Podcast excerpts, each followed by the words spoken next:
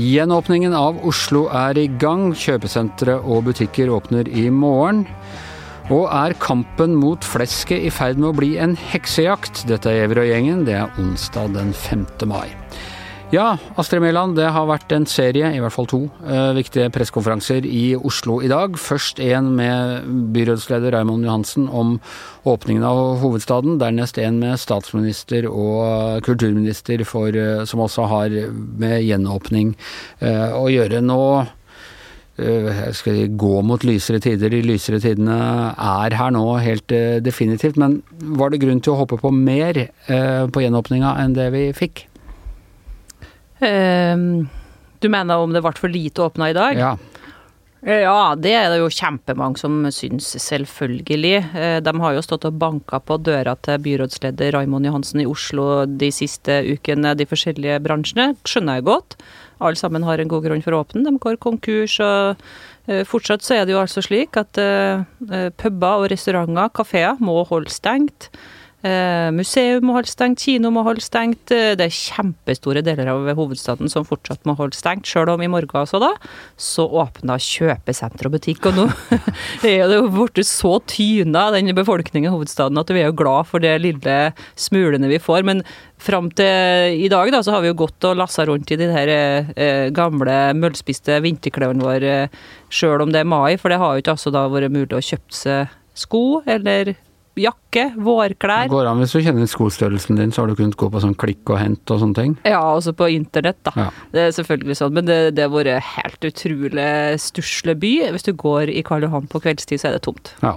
Eh, Det er det. Jeg, jeg syns det er Eller jeg skjønner ikke helt hvorfor man kan åpne kjøpesenter, eh, som riktignok skal gjøres under veldig sånne kontrollerte former, men ikke en kinosal eller teatersal hvor du virkelig kan vise folk inn i små puljer og sette dem med uh, avstand, og hvor de ikke beveger seg under hele forestillingen, og de kan gå ut med, med en kus avstand, som jeg har lært at skal være uh, Sånne ting. Det, det virker litt rart på meg, det. Ikke at jeg skal være negativ her, men En ting som jeg merka meg godt på de her pressekonferansene i år, her, er at de faktisk hører på oss. da.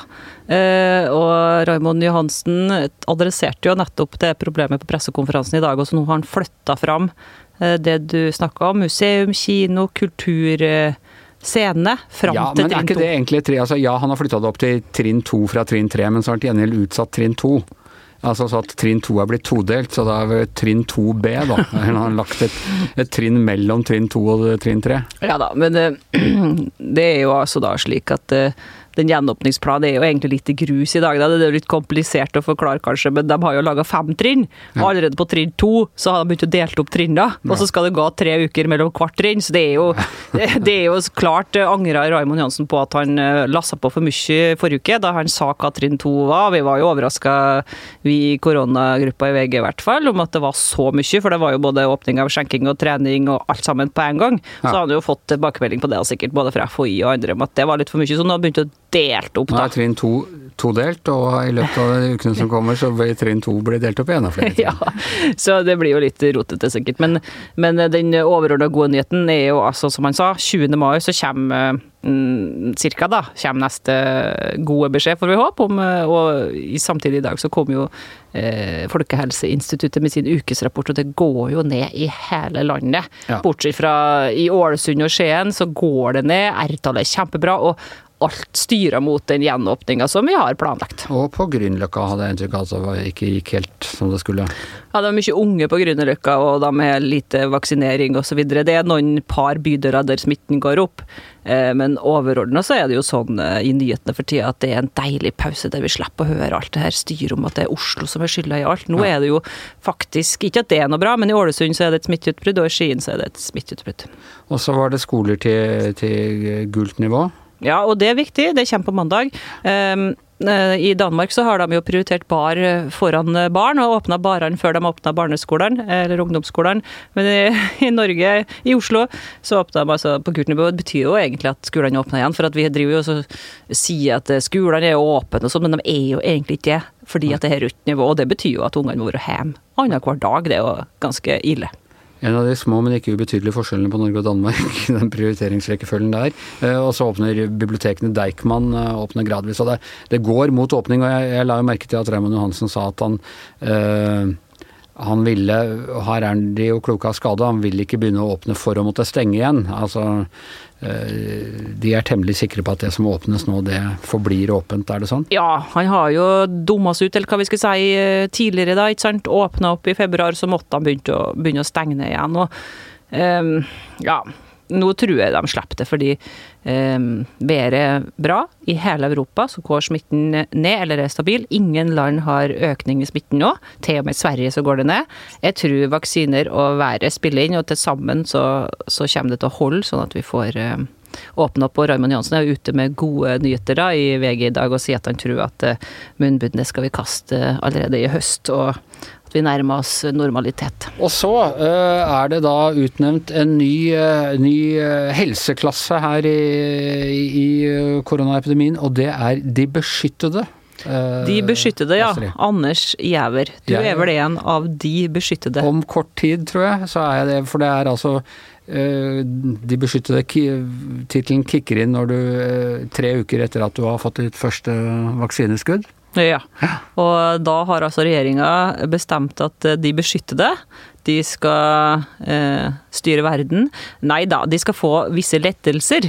Eh, så Anders, du kan altså da eh, etter hvert nå eh, reise rundt i Norge Eh, på hva heter det, igjen, eh, unødvendige reiser. Du kan ta en unødvendig reise, ja. mens jeg må ta kun nødvendige reiser. Og så regnes jeg ikke inn eh, da når Hvis vi skal ha liksom Fest. Fem, fem stykker, så er, telles ikke jeg med. Du blir han der Albert Aabergs venn, Skybert. Du er ikke med. Usynlig til stedet. Ja, du er usynlig, så du kan ha masse sånne beskyttede på fest. Og så kan du ta, ha dine egne, egne, venner, sånn at dere beskyttede kan være sånn fyll, fyllstoff. Sånn at ja. det ser ut som det er en veldig kul fest. Og så kan du ha fem vanlige uten beskyttelse. Men det er altså ikke det er da alle som uh, har vært vaksinert i, fra tre til et eller annet antall uker. Uh, og så var det de som har uh, det siste halvåret faktisk hatt korona? Ja, altså både du som er fullvaksinert, selvfølgelig, ja. også de som har hatt ett stikk. Eh, men der var det noen detaljer om hvor lenge fram til tolv uker, da. Også de som er immune, altså hatt naturlig eh, korona. De skal få disse lettelsene. Pluss at eh, når det her koronapasset kommer, så vil det legge inn i der òg, ikke sant. Sånn at da kan du kanskje dra på, som Erna Solberg sa, Anders, pakketur eller cruise. Etterpå så sporer om hva de mente med det. Altså, det var bare i Norge. Det altså f.eks. cruise til Svalbard. Vi er frie menn og kvinner. Jeg ser for meg et sånt maleri fra, fra koronatiden hvor noen stiger opp av, eh, fra bermen og lyser rundt dem der. De beskyttede, de er en slags engler. Ja, ja. I, uh... Bare gni det inn du, Anders. ok. Det sprer seg godt med, med vaksinene også, så, så, stadig flere vil, uh, vil høre til de, de beskyttede. Ja, det er jo det verste er jo for tenåringene, da.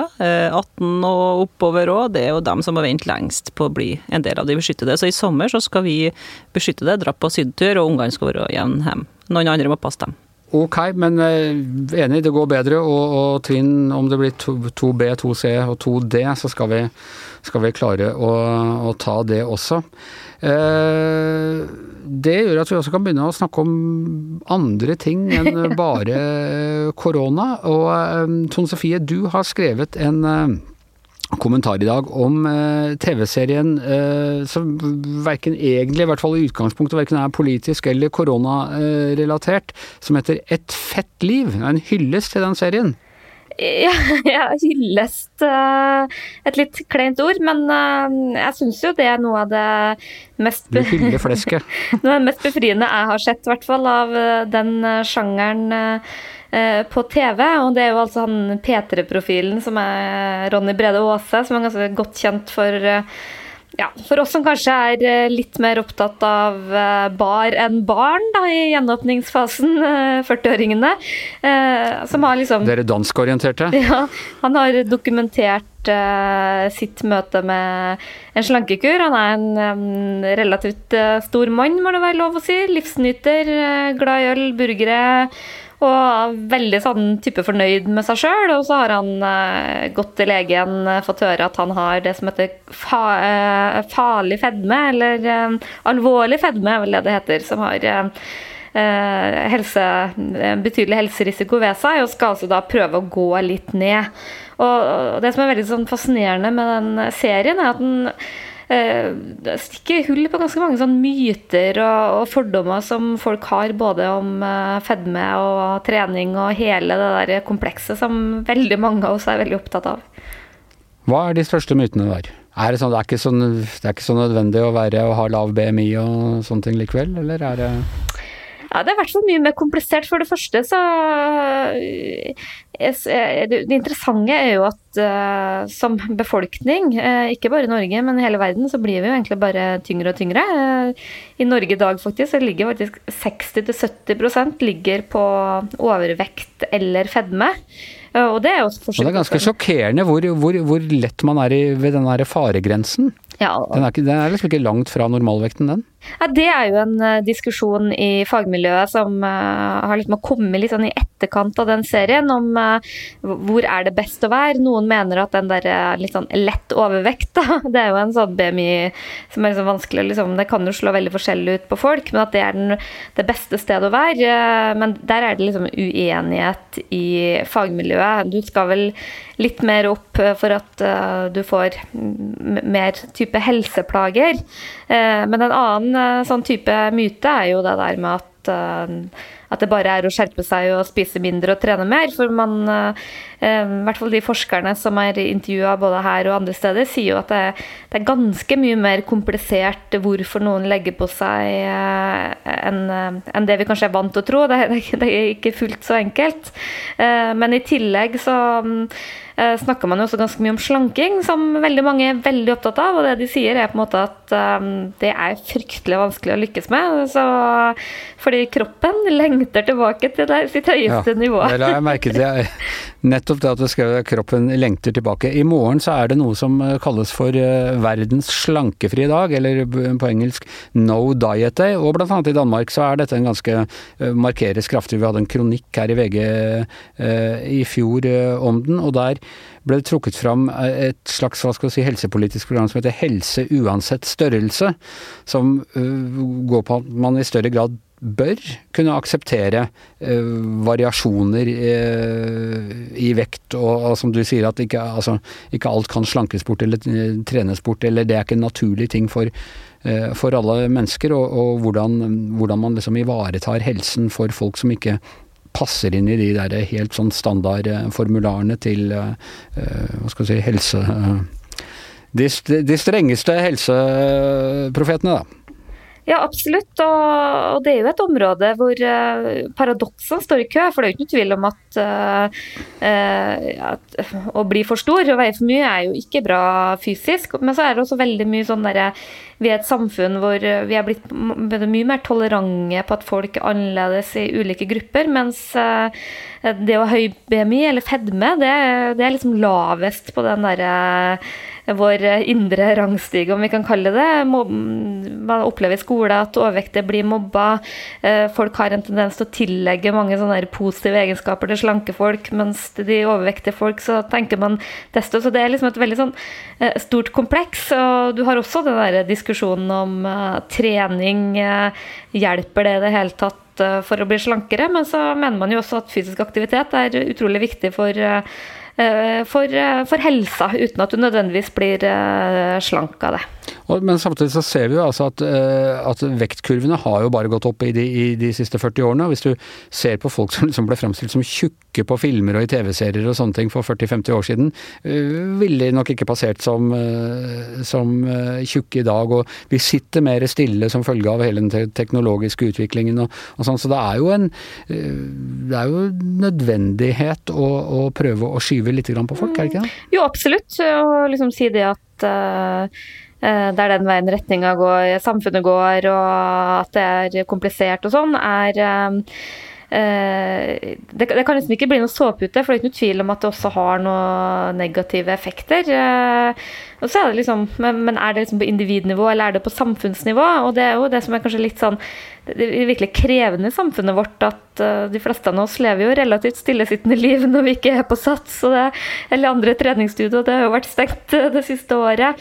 Og så er det sånn at mat er liksom litt sånn høydepunkt i livet. da. Det er liksom, når du er på, skrur på en TV, så er det et matprogram eller noen sånn fancy kokker eller eh, Også i koronaåret tror jeg mange opplevde at liksom, god mat og god drikke er liksom litt sånn høydepunkt i en litt sånn monoton hverdag. Så vi, vi, gjør det liksom ikke noe enklere for folk å, å, å bli tynne. Nei, det er en utfordring, men, eh, men, det er selvfølgelig også, og som du sier, et godt poeng dette med um, I en tid hvor man skal akseptere annerledeshet og, og uh, forskjellighet, så er, så er, også de med kroppsidealene blitt, uh, blitt mye sterkere. Hvor mye tenker du at vi mediene påvirker dette? Ja, Det er ikke godt å si. Vi skriver jo mye om det. Og, og hvorfor gjør vi det? Jo, fordi det leses veldig mye. Og jeg tror mange av oss er vel litt sånn alltid på jakt etter den magiske kuren eller den magiske oppskrifta. Og folk er opptatt av kropp. Samtidig eh, Jeg bare leser en ganske interessant bok av eh, en journalistkollega oss i Aftenposten, Hilde Østby, som har skrevet den der eh, Mageboka, heter den.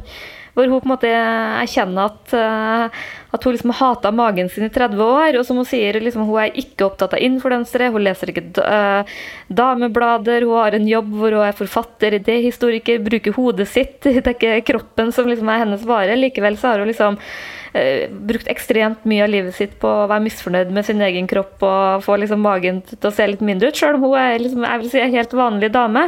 Så det er nok liksom litt mer komplisert enn at det er uh, media og ukeblad som viser fram bilder av av slanke folk i tide og utide. Og så er det vel sånn at hvis det hadde vært en slankekur som virkelig hadde virka, så hadde det bare trengtes én bok for å forklare den, og ikke de, ikke de hundrevis som kommer eh, hvert eneste år. Uh, ja, det tror jeg vi lar være siste ord fra, fra Giæver og gjengen i dag. I hjemmestudio Tone Sofie Aglen, her i studio i Akersgata Astrid Mæland og Anders Giæver. Og mannen med den perfekte BMI er som vanlig vår produsent Magne Antonsen.